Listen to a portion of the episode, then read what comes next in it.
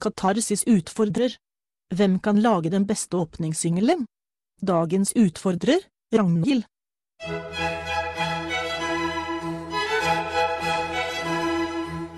Du hører på Katarsis, kulturprogrammet som tar utgangspunkt i kulturlivet i Trondheim.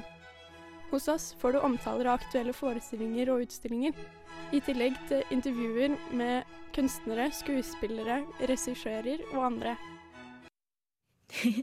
ja, det var en informativ åpningssingel fra eh, Ragnhild denne mandags ettermiddagen på Katarsis. Jeg blei litt inspirert av Helene sin forrige gang, vet du, hva Ja. katarsis betyr, så da tenkte jeg jeg kan ta for meg hva programmet liksom står for, da. Men, men jeg synes det var litt greit, for nå er vi helt uh, i begynnelsen av året. Så bare tar vi sånn litt sånn kort sånn Hva er egentlig katarsis?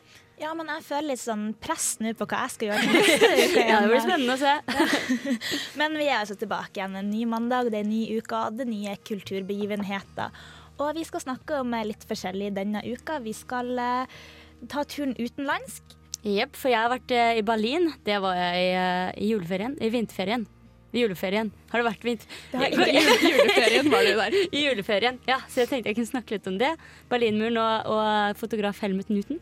Ja, og vi skal også ta for oss litt kunst. Vi skal bl.a. høre hvorfor Kunstmuseet i Bispegata er stengt. Og vi skal også få en spennende ukes kunstner. Yes.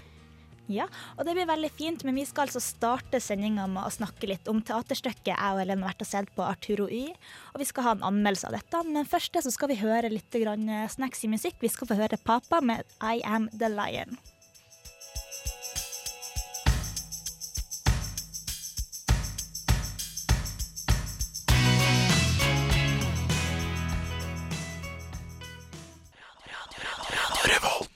Det var, det var pappa med I Am The Lion King. Yep. Lov til å ha en liten talefeil på begynnelsen av Ja, sendinga. Eh, jeg og du var jo på teaterstykker. Vi har egentlig snakka ganske mye om det siste uke. Vi har både tatt for oss eh, om Bertolt Brecht, som mm. har skrevet Arturo Ui, og vi har også hatt noen intervjuer med, med skuespillere som har Ja. spilt stykket. Mats Bones og Hans Petter Nilsen var vel de vi fikk snakke med. Ja, og de Mhm. hørte man på forrige ukas sending. Og eh, nå skal vi få høre en liten anmeldelse av Arturo Ui, så kan vi egentlig bare høre den og snakke litt Selve mer om det. Stykket, yes. Mord! Brann og ran! Utpressing! Røveri! Det skytes vilt på åpen gate! Menn på vei til arbeid! Fredelige folk som skal til rådhus og vitne drept! På lyse dagen! Hva gjør myndighetene, bare spør? Og svaret ingenting! Fredag 20. januar hadde teaterstykket Arturo Ui på hans knirkefrie vei til makten premiere på Trøndelag Teater. Oppsettinga handler om gangsterjyplingen Arturo, som higer etter lettjente penger og maktmonopol blant ei gruppe grønnsaksforhandlere i en middels stor by. Problemet er bare at all grønnsakshandel allerede er kontrollert av noen, nemlig av Blomkålstrøsten. Men Arturo pønsker ut en plan for å velte dem av tronen, og som kålhoda flest knekker Blomkålstrøsten av vold, manipulasjon og konspirasjon. De tillater rett og slett at Arturo baner seg en vei til toppen av grønnsakspyramiden, og videre derfra igjen. Media har antydet at denne retten har vært utsatt for press fra visse hold. Retten må imidlertid understreke at den ikke har vært utsatt for press fra noe hold. Den hold, rettssaken her holdes i full frihet. Ja, jeg tenker den erklæringen er nok. I rollen som Arturo Ui finner vi Hans Petter Nilsen, som i tillegg til Trøndelag Teater sine egne satsinger, har erfaring fra Studentersamfunnets interne teater og Universitetsteatret. Selve stykket er skrevet av Bertolt Brecht i 1941, og kan forstås som en satirisk parodi på Hitlers kronglete vei til makta. Hans Petter framstår i rollen som Arturo som en særdeles keitete mann med dårlig språk og barnlige takter, og det er vanskelig å se for seg han i en herskerposisjon. Først etter å ha deltatt på et kurs som fokuserer på artikulering og gester, tilegner Arturo seg de diktatortektene vi kjenner igjen fra Hitler når han var på topp.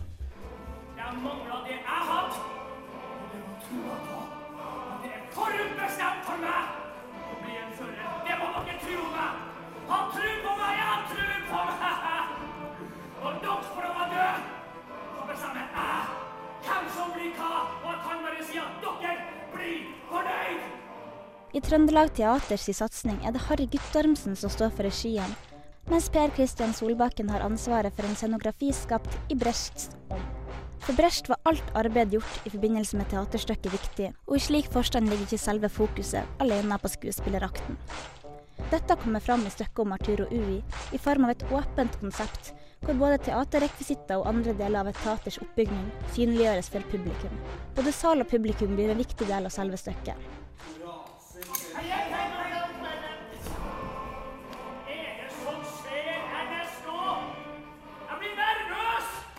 Hans Petter gjør en formidabel jobb i rollen som Arturo Ui, og han kan virkelig sies å være kronen på verket, selv om også scenografien til Solbakken var fantastisk, og Guttormsens humor og rytme klaffa godt. Arturo Ui er et lekent stykke, men komedien skygger ikke helt over det alvoret stykket presenterer oss. Brecht er en av det forrige århundres mest innflytelsesrike dramatikere, og gjennom Arturo Ui viser han at historien om Hitler både kunne skjedd hvor som helst og når som helst. Derfor er temaet evig aktuelt, og det er også verdt å oppleve Trøndelag Teaters framstilling av Arturo Ui, siden gode medvirkere gjør et godt resultat. Det var altså min anmeldelse av Arturo Ui. Og Helene, helt kort, hva syns du om stykket? Jeg syns at uh, første akt var kjempebra. Dette er en forestilling som varte i to timer. Jeg syns at første akt var veldig bra, det var veldig spennende og det var veldig morsomt å se. Og man kjente jo, hvis man er kjent med Hitler, de fleste er jo det, da, og hans vei og opp til makta og alt, så og sett en del filmer, sånn kjenner man, kjenner man igjen veldig mye hos Hans Petter da, og Hitler. Men så syns jeg det dabba litt av i andre akt, og at det ble litt langdrøyt, egentlig. Og at det ikke var så spennende, for det på en måte Det hoppa så fort, fordi plutselig så altså, Først så var han en sånn keitete mann, og så som bare alle lo av. Og så plutselig så var han dritbra, liksom, og alle bøyde seg for han. Så jeg er litt usikker. Men vil du anbefale folk å se stykket? Eh, ja, i hvert fall hvis man er kjent med historien andre verdenskrig, som veldig mange er, så vil jeg anbefale de å dra og se. Uansett så har jo Trøndelag Teater veldig dyktige skuespillere, så det syns jeg er verdt å oppleve i seg sjøl. Rett etter André Nikotinas Queen Heron' så skal vi høre litt mer fra dette stykket. Da skal vi få høre et intervju med regissør Harry Guttormsen, så det er bare å følge med videre. Men først litt musikk. Just like Regissør Harry Guttormsen, hva handler Arturo Ui om? Ja, Det Brecht gjorde i 41 var å, å, Da kjente han jo til hvordan Hitler hadde kommet til makten, for da var Hitler i gang og hadde gått inn i Østerrike osv. Og, så videre, og hadde lagt Tyskland for sine føtter. Og så tenker han hvordan kan jeg skrive om det, jeg som skal flytte til Amerika? Jo, jeg gjør det til en mafiahistorie i Chicago. Og så gjør jeg Hitler til en gangster som prøver å komme seg fram i, i mafiavirksomheten. Og så gjør han Chicago til Tyskland, og så gjør han liksom omkringliggende byer til resten av Europa. Dermed så har han funnet en, en slags parallellverden til å fortelle denne historien. Og, og så, sånn sett så, så alle scenene her er klippa ut av historiebøkene, bare at det er putta til en komedie i Chicago med gangstere med pistoler og osv. Det er det vi skal fortelle. Hva er det som gjør den til en komedie? Det er det at han harselerer med det. Jeg tror Brecht har tenkt at denne mannen må vi le av. Altså en, en liten mann med en stiv bart som, som, klarer å få hele verden for sine føtter. Det må noen le av. Jeg velger å prøve å skrive det sånn at, eh, at det blir morsomt. Det vi kan le av, er at han, at han er veldig barnslig. Altså han er redd, han er paranoid, han tror det verste om folk. Og han tror usvikelig på det han har bestemt seg for å tro på. Og det er noen egenskaper der som det går an å kjenne igjen i en god klovn.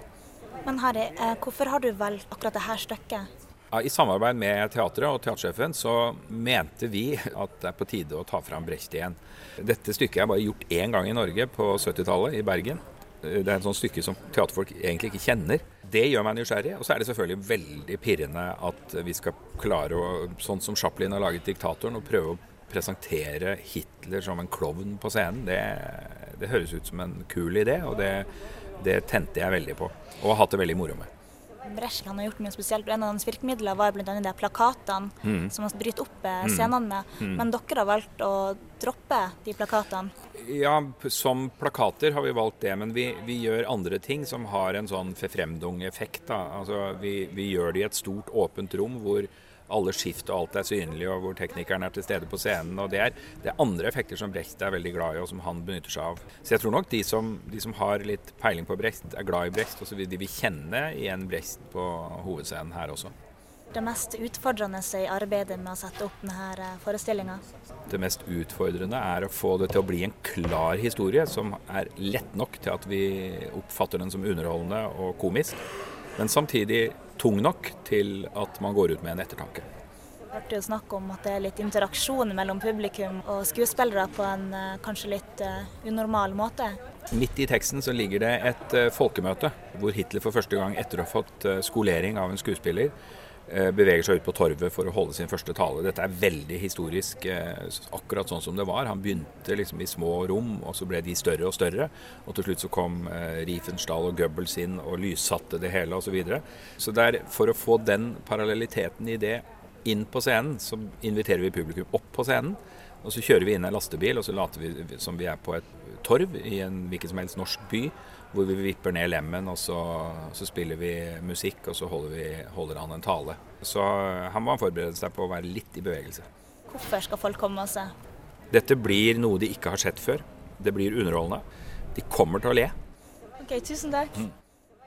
Ja, der hørte du regissør Harry Guttormsen fortelle om Arturo Ui på Trøndelag Teater. Så det var skøy. Eh, Vi katarsisere skal være her i studio og gi deg kulturelt påfyll helt fram til klokka blir fem i dag, så du har ennå mye godt i vente.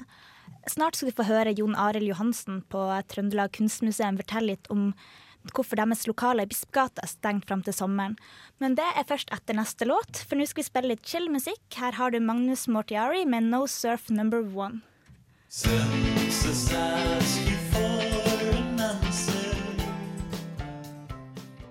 Hi, you are tuned in to KALX 90.7 FM, broadcasting from the University of California, Berkeley. Du hører på Katarsis på Radio Revolt. Ja, du hører på Katarsis på Radio Revolt, og det er Line, Helene og Ragnhild i stua. Og vi har akkurat hørt litt herlig musikk. Og nå skal vi over til del to av eh, dagens sending. Vi skal snakke litt om eh, kunst. Og som nevnt så er Trondheim kunstmuseum i Bispegata stengt. Heldigvis er det åpent på Gråmølna, Der er det også utstillingsåpning på søndag, Spiralen og Kvadratet, som jeg gleder meg veldig til å dra og se sammen med deg, Ragnhild. Ja! Tror det blir kjempestemning. Eh, men vi kan ta og høre litt på Jon Arild fra Kunstmuseet, og hvorfor han forteller hvorfor de har stengt Kunstmuseet fram til sommeren. Nå er det jo sånn at Trondheim kunstmuseum har stengt virksomheten vår i, i Bispegata, hvor vi har det store hovedmuseet vårt ved siden av Domkirka. Og vi har stengt for å pusse opp, rett og slett. Eh, Kunstmuseet har stått her siden 1930. Og i årene som har gått, så har ting blitt litt slitt, og det har blitt tilføyd en del ting. Og ting har på en måte blitt litt sånn uklart i kantene, kanskje. Så nå gjør vi det sånn at vi tar bort veldig mye av det som er fø- tilført, og så henter vi fram den gamle bygningen sånn som den sto i 1930. Tilnærma, ikke 100 likt, men, men vi, vi tilbakefører mye av bygningen. Og vi pusser opp og får fram pene flater og gjør at museet skal framstå i all sin prakt. Hvordan tror du resultatet blir? Jeg tror museet blir rent og pent og stramt og en, en veldig fin arena for å vise forskjellige kunstuttrykk. Det er et veldig, veldig vakkert bygg vi har her. Hvordan påvirker det utstillingen dere bruker å ha i løpet av et år, at dere har stengt eh, hovedmuseet? Ja, nå har vi jo eh, ganske mye aktivitet på Gråmørna i vårsemesteret. Men eh, fram til den 22. juli, når vi åpner på nytt igjen, så, så vil det ikke være aktivitet i Bispegata. Det er vel tiltenkt at dere skal ha reåpning igjen den 22. juli. Hvorfor har dere valgt denne datoen? Den 22. juli har jo blitt eh, med ett den mest symbollada og, og, og tyngste datoen i, i Norges historie. Det, åpninga vår vil være på ettårsdagen for eh, terrorismen på Utøya og i Oslo. Og det er selvfølgelig ikke tilfeldig valgt. Vi skal åpne med en utstilling som heter for Sammen. En utstilling som skal handle om eh, mellommenneskelighet og nasjonalisme. Det vil være en eh, kollektivutstilling med mange forskjellige kunstnere, både norske og utenlandske kunstnere. Utstillingen sammen skal være Trondheim kunstmuseums eh, bidrag til ordskiftet rundt eh, Utøya, og rundt det her med hva er det vi ønsker med nasjonen vår, hva skal Norge være? I tida etter terrorangrepet så var det mange som snakka om det her med åpenhet og det å være inkluderende, og at alle skal bli hørt og alle skal være med. Og så har kanskje det her glidd litt ut etterpå. Vi har kanskje glidd litt tilbake til sånn som det var før. Med personangrep og mistenkeliggjøring og mange forskjellige ting. Vi ønsker å komme med en, eh, et bidrag til diskusjonen om hva skal Norge være. Vi mener at kunsten og et kunstmuseum er viktige deltakere i eh, samfunnsdebatten. This is Kate Pendry, and you're listening to Catharsis because, as Ibsen said, it's better to go into the sewer to clean it than bathe in it. Etter å ha hørt Jon Arild Johansen fra Trondheim kunstmuseum fortelle oss om den midlertidige stengninga av Trondheim kunstmuseum, hørte vi Breton med Edward the Confession. Confessor. Ah, det skal ikke være lett. Litt, eh, litt krøll igjen. Uh, vi skal fortsette i det samme sporet som vi nettopp har vært innom. Vi skal snakke litt om kunst. Og Ragnhild, har du en ny kunstner til oss denne uka? Det har jeg. Jeg har eh, funnet en ganske spenstig 64 år gammel skulptør fra Nederland. Ah? Ja, så jeg har fått snakka litt om han med den fantastiske jinglen eh, foran. Så da kan vi kanskje kjøre i gang eh, spalta vår. Kunstig. Fascinerende. Moderne. Fantasifullt. Spennende. Klassisk. Provoserende. Ubeskrivelig. Fascinerende. Abstrakt. Grafisk. Modig. Ukas kunstner. Theo Jensen. Theo Jensen ble født i 1948 i Nederland. Han er utdannet ingeniør, men har en forkjærlighet for kunst. Dermed lager han kinetiske skulpturer av veldig lette materialer som drives av vindkraft. Han begynte å lage disse animerte skulpturene allerede i 1990. Han vil kartlegge utviklingen av mobilitet og gjøre vinden synlig. Før han begynte med skulpturene sine, var han med på å lage en malemaskin og en UFO. Han sier selv at The walls between engineering and art exists only in our minds. Drømmen hans er å lage skulpturene så slitesterke at de vil tåle storm, slik at han kan sette ut en hel gruppe skulpturer på en strand og la dem leve sitt eget liv. Ja, det var ukas kunstner Theo Jansen. Ja. Koselig, da! Ja, det er veldig fascinerende. Vi skal jo legge ut et eh, YouTube-klipp på Facebook-sida vår, sånn som eh, vi pleier å gjøre.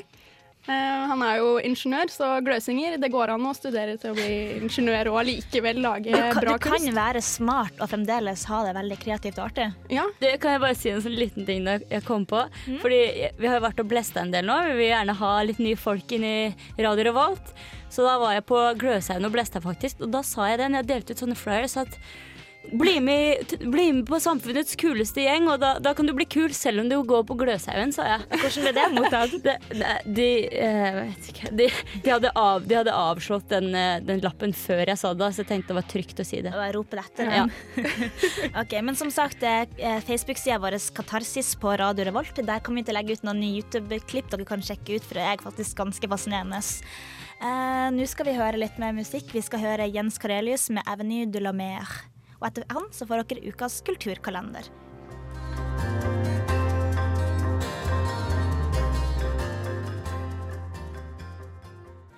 Vi skal um, ha et nytt konsept når det kommer til kultur kulturkalenderen vår, og jeg finner dette konseptet ganske festlig. Kan ikke du fortelle litt om det her, Helene? Jo, eh, her i Katarsis skal vi nå innføre Kulturhatten. Det er et nytt konsept som går ut på at vi har en hatt, og oppi der så har vi masse lapper med forskjellige stemninger, på en måte. Eh, Det være seg en dialekt, en aksent av et språk, eh, trist, glad, et eller annet. Og dette skal vi gjøre Vi skal når vi leser opp kulturkalenderen. Yes. Yes, Så vi skal trekke nå en lapp ifra eh, kulturhatten vår. Det er deg til å lese opp kulturkalenderen i dag, Ragnhild. Så nå skal vi se hvilken, eh, hvordan du skal lese opp kulturkalenderen. Kan du trekke en, hatt, en lapp fra Skal bare nevne først at det her er jo da en hatt hvor vi alle tre har skrevet ja. ti lapper hver, og uten å ha fortalt hverandre hva som står på de ulike lappene først. Så det her blir helt spontant. Ja. Ragnhild vet, Vet ennå ikke ikke hvordan hun skal, skal, framføre lese. ukas kulturkalender. Dette er ganske nervepirrende, egentlig. Kan du trekke en lapp fra hatten nå, Ragnhild? Yes. Hvordan skal du lese opp kulturkalenderen i dag? Hei, jeg skal uh, ha kulturkalenderen med italiensk aksent. Spennende. Ja, men da OK, Det, er du vi får se hvordan dette går, da. Eh, Litt. Grann. Litt grann. Det her er- Janus nå. Det her er premieren på Ja. kulturkalenderen med kulturhatt. Yes. Skal vi kjøre i gang? Ja, vi må nesten det. Vil du vite hva som skjer i Trondheim i uka som kommer? Følg med.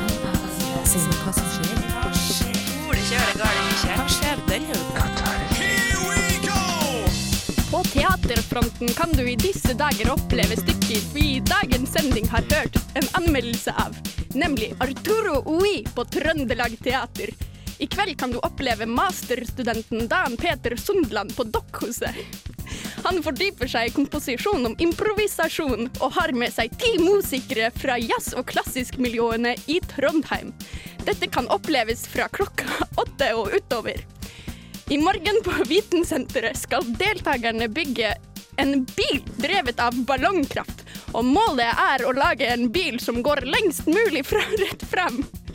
Her melder man seg på i, par til kulturenheten, og pris per par er 185 kroner.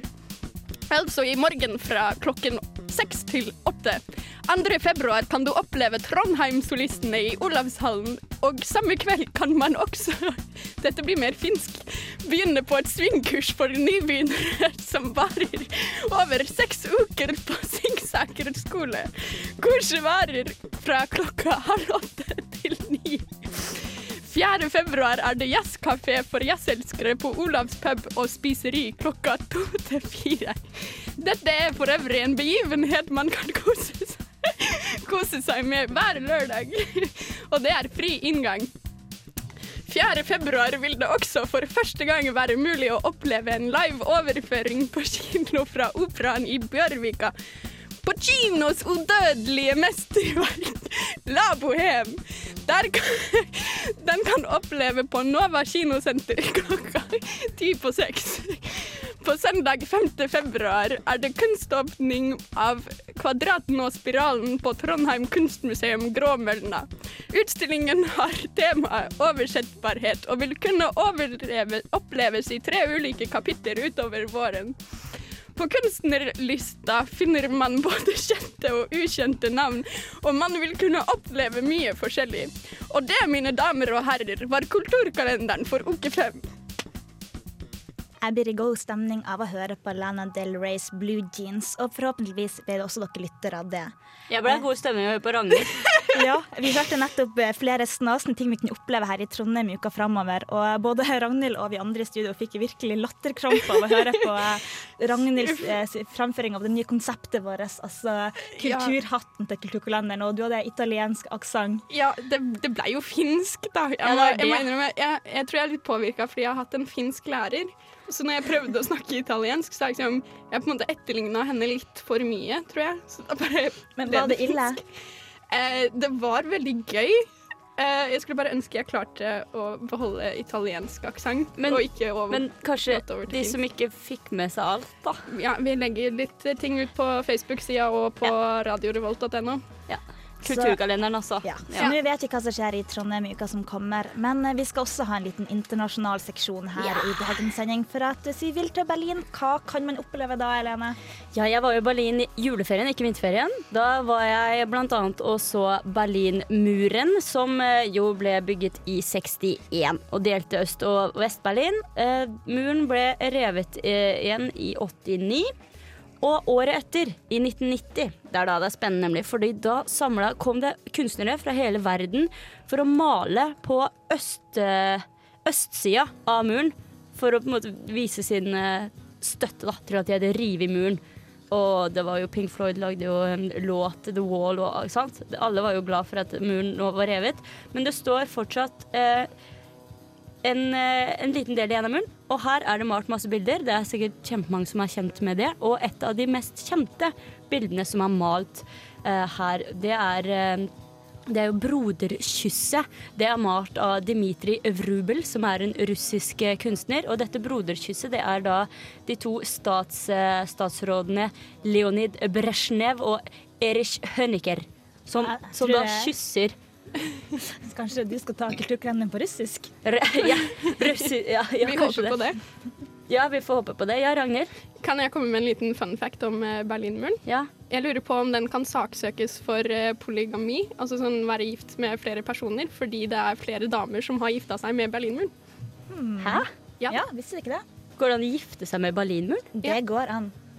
Så en sånn spennende dokumentar om eh, folk som hadde gifta Men seg kanskje det er lov til å gjøre sånt i Russland? Nei, Russland. Tyskland. I Tyskland, Tyskland, mm, ja. Men i hvert fall, også det jeg skulle si da, så dette var jo i 1990 som hadde disse kunstnerne kom og malte, satt sitt preg på veggen. Og i 2009 så var det restaurering, fordi det er så ah, mange tullinger rundt omkring som bare «Æ, eh, Berlinmuren, den, dette er ikke noe for meg. Så bare tagger de over og lager masse sånne peniser og sånn. Og det er ikke noe kult, så da, i 2009 så var det restaurering. Og da var det broderkysset blant annet, ble også restaurert. Jeg vet, ja. Nei, jeg bare med sånn, jeg, alltid, jeg, jeg liker tagging og sånn, hvis du har ordentlig graffiti. Ja, men ja, jeg har aldri helt skjønt hvorfor folk vil tegne tisselurer på vegger. Ja, det, det er tøft, da. Ja, Nei. det finnes så mange andre kule ting man kan lage kunst ut av, liksom. Men i hvert fall, så den delen av uh, muren som jeg var og så nå, på, på østsida, den heter da East Side Gallery. Og ja, så Det er veldig rart, for det er bare på østsida som det er, eh, som det er malt sånn ordentlig. Og det er så fargerikt og fint, så selvfølgelig, hvis man er i Berlin, så må man jo dra og se. Og så har de jo Checkpoint Charlie, da, som er kunstmuseet hvor du får hele historien om fra Berlinmuren ble bygd og til den ble revet. Så ja, det var uh, veldig gøy, selvfølgelig. Ja, vi skal snakke litt mer om Berlin ganske så snart. Vi skal bare først høre litt fra La Sierra med 'Please Be My Third Eye'.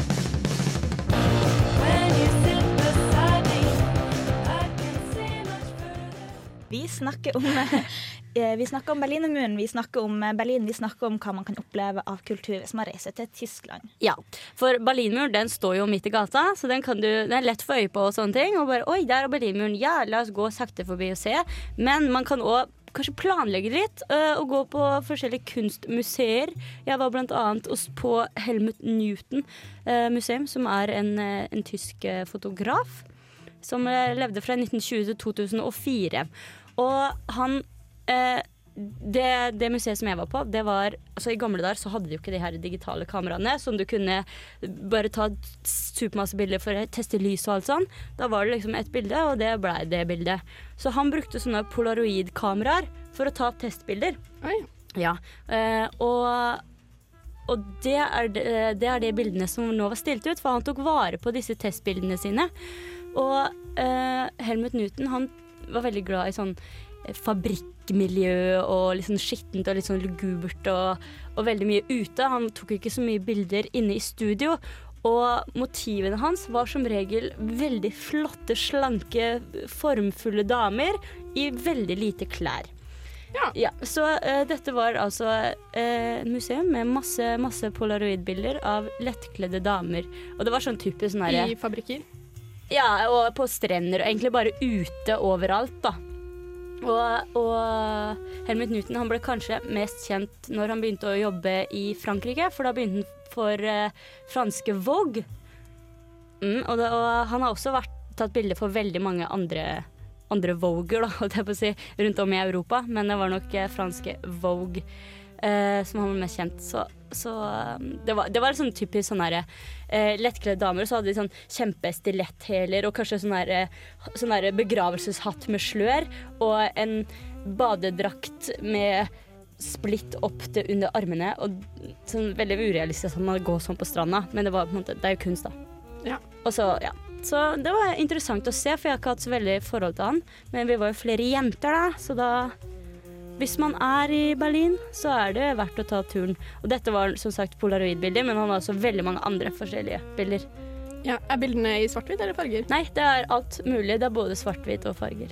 Og han er jo veldig flink til å bruke lys, og han likte veldig sånn der skarpt lys og vel, ja, leker seg litt. Men jeg må jo spørre, jeg er jo veldig glad i å reise på sånne kulturreiser og oppleve mye rart. Men lik, nesten like viktig som å oppleve den fine kulturen, er god mat og god drikke. Ja. Jeg spiste ikke pølse. Nei, åh, så bra. Det var, det var liksom godt å høre at vi er litt var på, kultiverte. vi var på så mye asiatiske restauranter, men jeg spiste ikke en eneste bratwurst, wurst, eller hva det heter. Bratwurst. Ja. Og ikke wienerpølse, eller var ikke noe. Det var godt å høre. Ikke knoppølse engang. Eh, vi skal snart eh, snakke om noe litt annet. Jeg vet ikke hva dere lyttere er, men jeg er utrolig stor fan av Kaizers Orkestra. Og det er jo snart ikke bare én, men tre konserter. Men for de som ikke har fått billetter, vi kan oppleve det på en annen måte. Det skal vi få høre etter Bastard Gaze med Winterfog.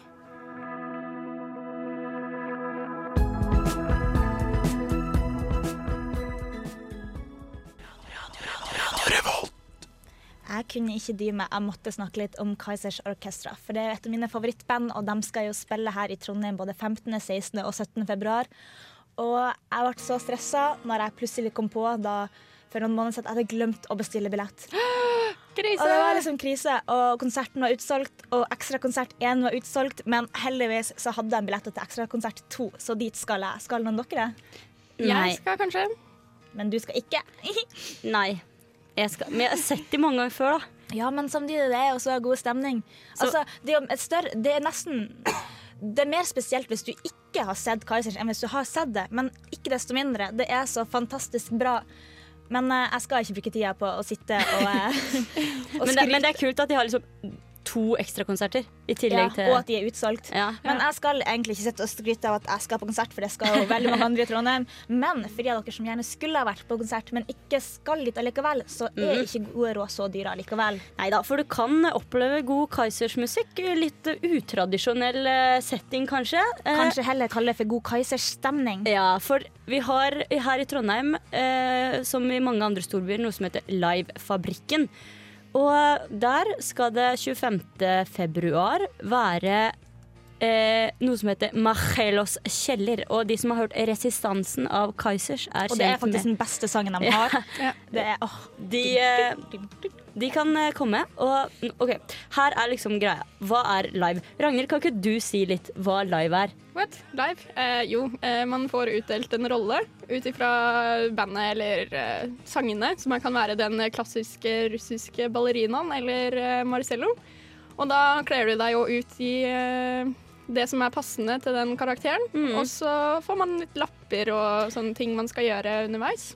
Og hvis man har hørt litt på Kaizers, da, så er det jo utrolig mange ulike roller man kan tre inn i. Blant annet Marcello eller den russiske ballerina, eller, eh, eller eh, Svein fra Ompa til du dør som har eh, drept noen. Mm. Ja, for live generelt, da, for, for du har skuespill hvor du som publikum sitter og skuer noen andre som spiller, mens live rollespill, så er du selv i rollen. Og, og da kan det eksempel være eh, de, set, de setter et, et sted, og så bygger liksom De planlegger skikkelig eh, et livested. Og så, sånn som det er nå, da, med Machelos kjeller, så får du en lapp hvor det, sånn som dere sa, med en rolle, og så skal du gå og så skal du gå inn i, inn i den uh, rollen som f.eks. en russisk ballerina. Må google litt hvordan ser en russisk baller, ball, ballerina ut. Og, og alle har forskjellige roller. Og så er det sånn konseptet her Hvert 20. minutt så spiller en Kaizers-låt, og da skal man gå inn i rollen. Ja. Om, om, om de folka de synger om i Kaizers, eh, Kaiserslåsa. Så dette er da 25. februar fra klokka to til klokka ni. Party etterpå. Sted Trondheim sentrum. Vil bli annonsert. Det koster 150 kroner for de som er over 26 år. Veldig rart. 100 kroner for de som er under 26 år. Og vi legger så klart ut en link til det her til Ja, våre ja. Facebook-sider. Men vi må dessverre begynne å runde av, fordi å, tida har gått for fort. Vi er ferdig. Bendik har vært vår fantastiske tekniker i dag, og han skal forhåpentligvis komme tilbake til oss en annen anledning. Jeg har ikke noe mer å gjøre enn å ønske alle en veldig, veldig, veldig, veldig god helg. Nei, god helg, god uke. Ja. Og så, vi er tilbake samme tid, samme sted om nøyaktig en uke.